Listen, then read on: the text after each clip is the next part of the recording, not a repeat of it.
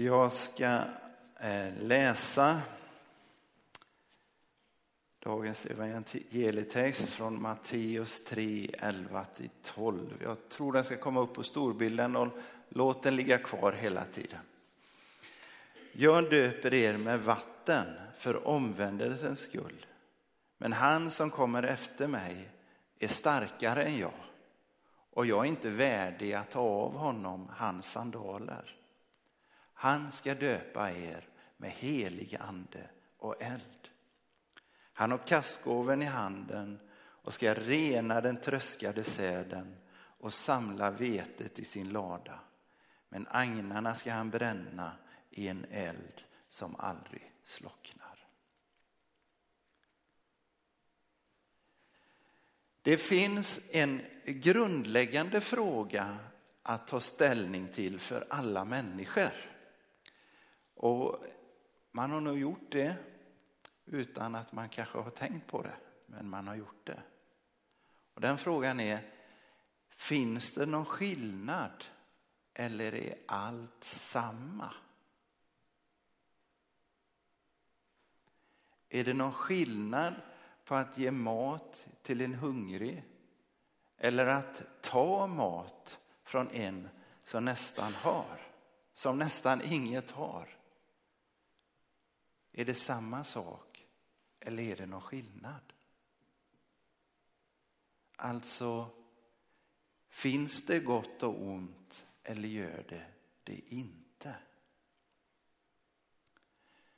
Johannes döparen som säger det här i texten vi läste, han anser inte att allt är samma.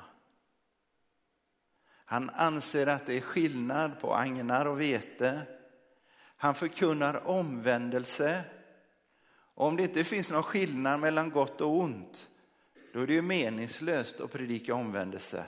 För vad ska man i så fall vända om till? Om allt är samma. Johannes döpare, döparen, han predikar omvändelse och han predikar dom. Vad ska vi säga om det? Är det inte kärlekslöst att vara dömande? Och förresten säger inte Jesus att vi inte ska döma? Ja, jag, jag vet inte om du anser att allt är samma eller om det finns någon skillnad. Men om du har kommit till slutsatsen att det finns skillnad, det finns gott och det finns ont. Alltså om du säger att det är gott att ge någon mat som inte har och det är ont att stjäla någons mat som knappt har.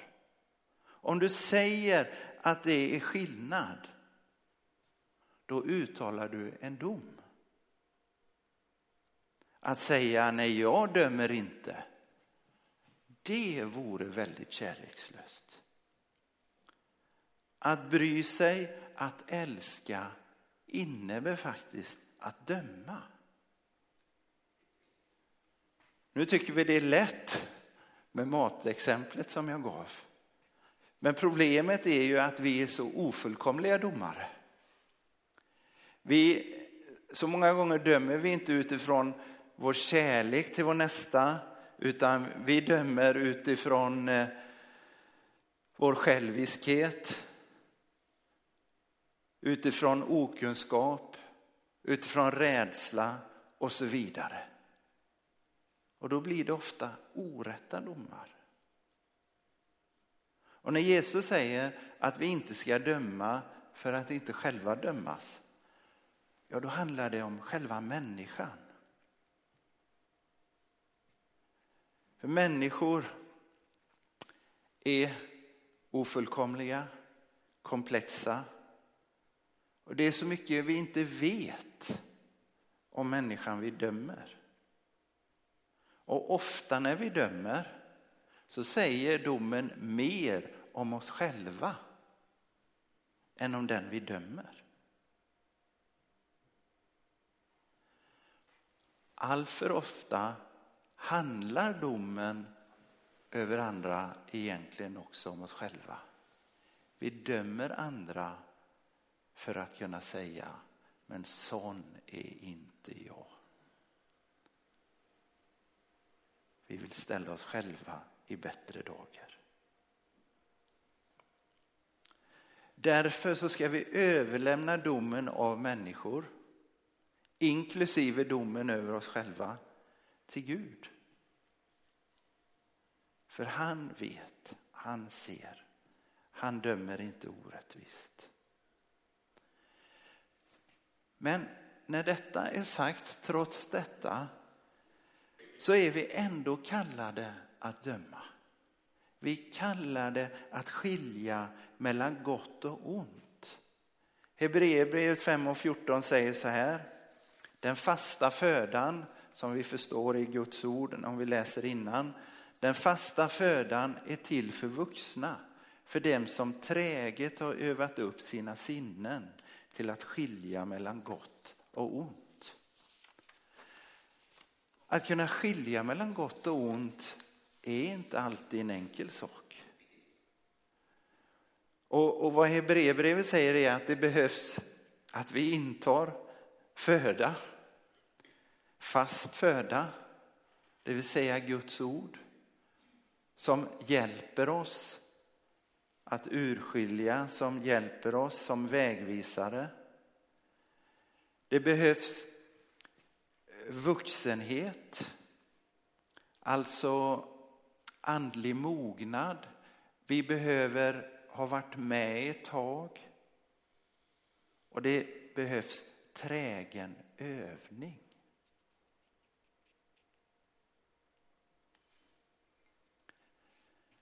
Det första vi behöver göra, säger Johannes döparen, det är just detta att skilja mellan ont och gott och omvända oss till det goda. Att välja som livsinriktning. Jag vill det goda. Men att kunna skilja mellan gott och ont är tyvärr inte samma sak som att göra gott och inte ont. Och in, innan vår text så talar Johannes döparen om att omvändelsen i sig är inte något värd om den inte bär sådan, det vill säga god frukt som hör till omvändelsen. Men hos oss så förklarar Johannes döparen att han har inte den förmågan att ge oss den kraft vi behöver för att kunna göra gott. Han säger, jag kan peka på det goda. Jag kan döpa er i vatten för omvändelsens skull för att liksom peka, det här är det goda. Jag kan skilja mellan gott och ont. Jag kan hjälpa er med det. Men jag kan inte hjälpa er att göra gott. Den förmågan, den har inte jag.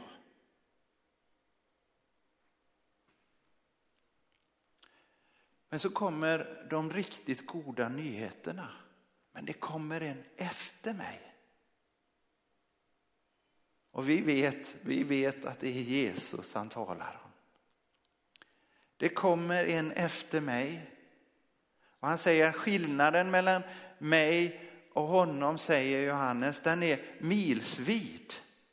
Och så jämför han med en slav vars uppgift är att ta av sin herres sandaler.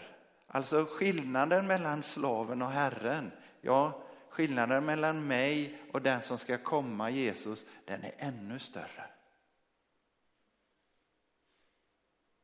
Var i ligger skillnaden? Jo, för Jesus han ska döpa i helig ande och eld.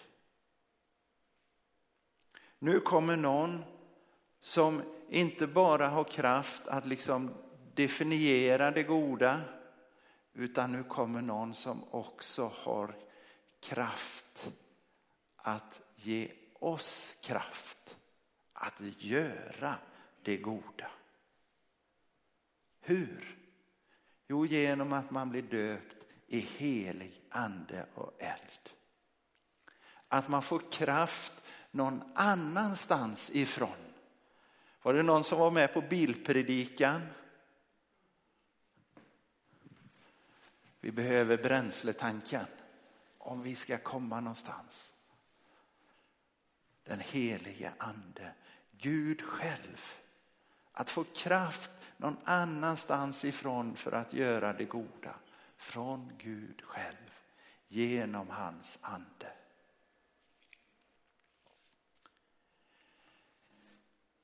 Jesus själv döptes ju med Johannesdopet fast han inte behövde omvändas.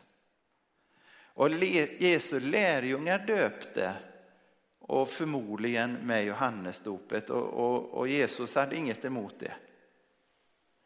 Men själv säger Jesus nästan ingenting om vattendopet. Vi har bara två, vad jag vet, två direkta uttalanden av Jesus om dopet. Det kristna. Från Matteus 28, det mest kända. Gå därför ut och gör alla folk till lärjungar. Döp dem i Faderns och Sonens och den helige Andes namn. Och Markus 16 och 16. Den som tror och blir döpt ska räddas. Men den som inte tror ska bli dömd. That's it. Och en förklaring är nog att, att det kristna dopet det får ju sin fullständiga betydelse först efter Jesu död och uppståndelse. För i dopet så identifierar sig den troende med Jesu död ner i dopgraven, hans uppståndelse upp ur dopgraven.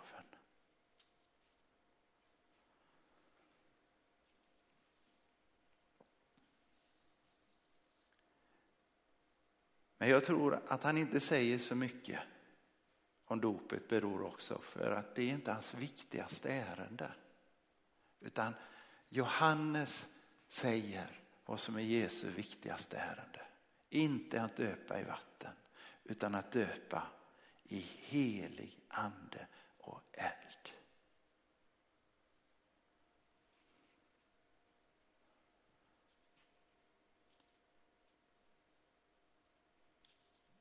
Alltså Jesu viktiga ärende är inte att döpa oss med vatten utanpå utan att döpa oss med vatten inuti.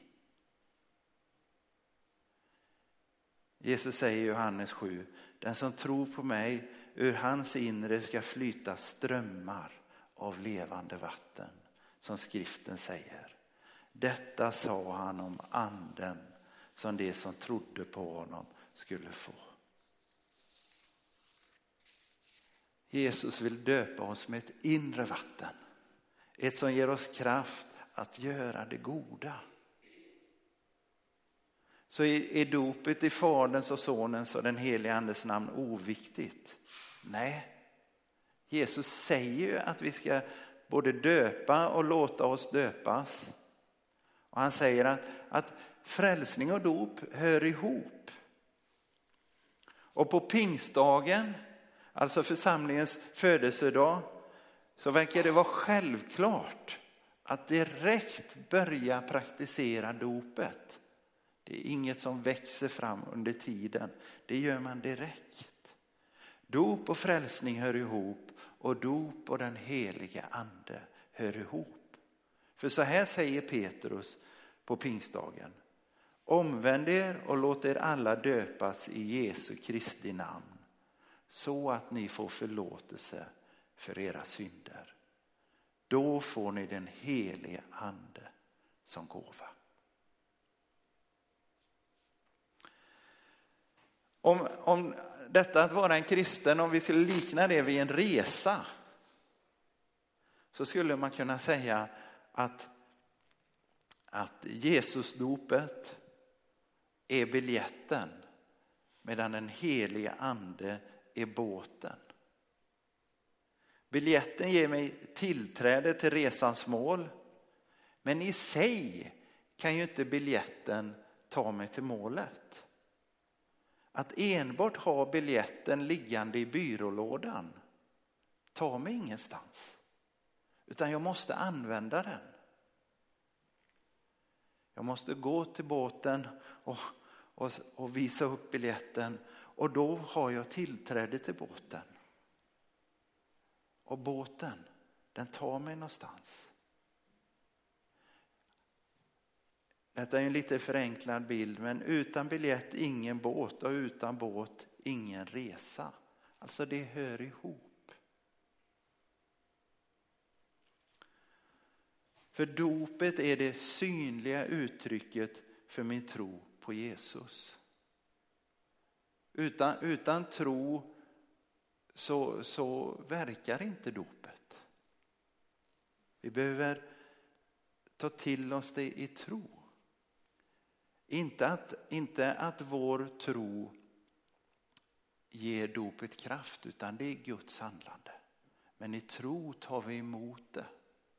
Precis som man i tro med biljetten går till båten och tror att man ska få åka med.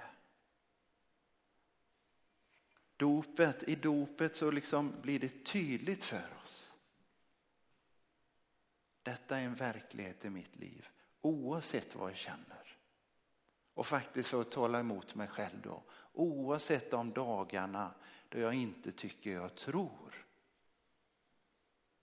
Så får jag vila i att det inte är min tro som, som liksom bär utan det är Gud.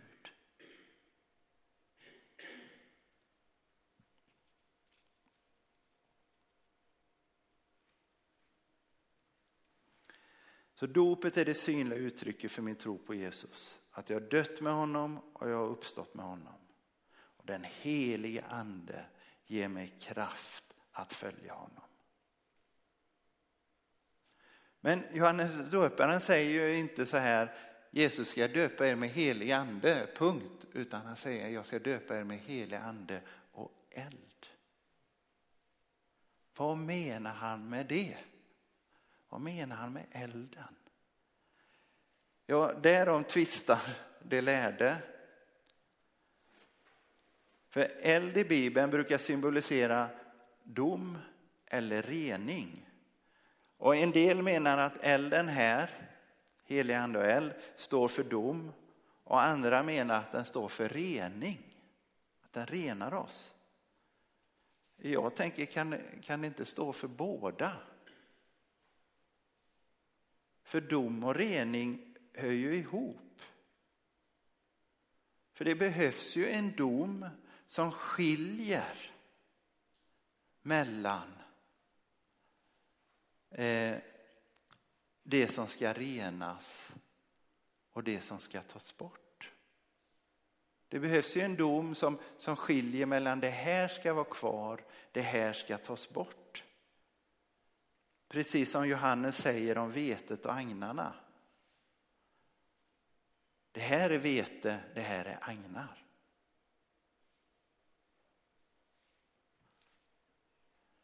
Men frågan är, vad är, det, vad är vetet och vad är agnarna? Vem var det, det som, som ska dömas? Ja, Jesus han säger att den helige ande ska visa vad dom är. I Johannes 16.8 så säger han, när han, den helige ande alltså, kommer ska han visa världen vad synd, rättfärdighet och dom är. Synd, de tror inte på mig. Rättfärdighet, jag går till Fadern och ni ser mig inte längre. Dom, denna världens härskare är dömd. Vad är dom? Jo, det är att denna världens härskare ska dömas. Vem är det? Det står i singular. Det är en härskare. Det är den onde, det är Satan, djävulen. Det är han som är dömd. Det är ondskan som döms. Den heliga andes eld ger oss kraft att skilja det onda från våra liv och leva i Jesu efterföljelse. Den heliga ande vill hjälpa dig att, att rena dig. Det klassiska kristna uttrycket är helgelse, att helga dig, som betyder att avskilja. Att avskilja sig från det onda. Att avskilja sig från girighet, från själviskhet, från att vara, eh, inte unna andra gott. Från att eh, snacka skit, att ljuga och så vidare.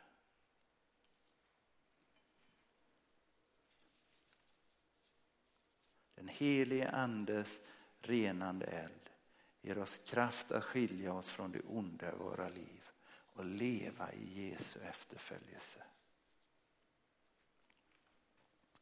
Agnarna ska han bränna i en eld som aldrig slocknar. Det är rätt dramatiskt, eller hur? Har vi några smygbönder här? Vi har i alla fall bett för dem. Men jag tror ni vet ändå, vad händer med agnar som man lägger på elden? Det är ingen kuggfråga. Vad händer? Ni tror fortfarande det är en kuggfråga? Amen. De brinner upp. De brinner upp. De förintas. Snabbt dessutom, säger det bara. Alltså det onda ska brinna upp. Men varför ska elden aldrig slockna? Jo, för det, det är inte agnarna som är bränsle på brasan. Det är inte agnarna som gör att elden brinner. Det är inte de som liksom driver elden. Nej, det är rättfärdigheten som driver elden. Och rättfärdigheten är evig. Det onda kan inte besegra den. Och Hebreerbrevet säger att vår Gud är en förtärande eld. Det betyder att inget ont kan komma vid honom.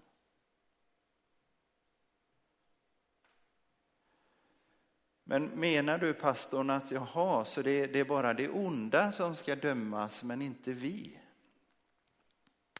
Så här står det i Johannes 3 och 17 till 19. Ty Gud sände inte sin son till världen för att döma världen utan för att världen skulle räddas genom honom.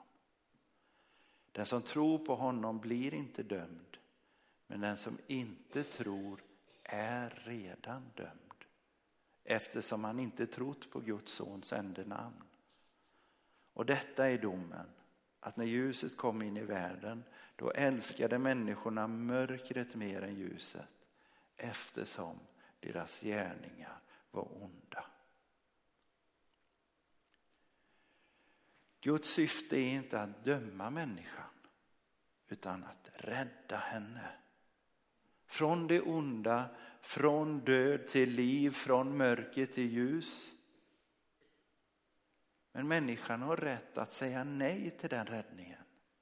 Att göra andra val. Att välja mörkret framför ljuset. Men de glada nyheterna är att det finns räddning. Att det finns möjlighet för oss att säga ja. Att vi inte behöver vara rädda att komma inför Gud som är en förtärande eld.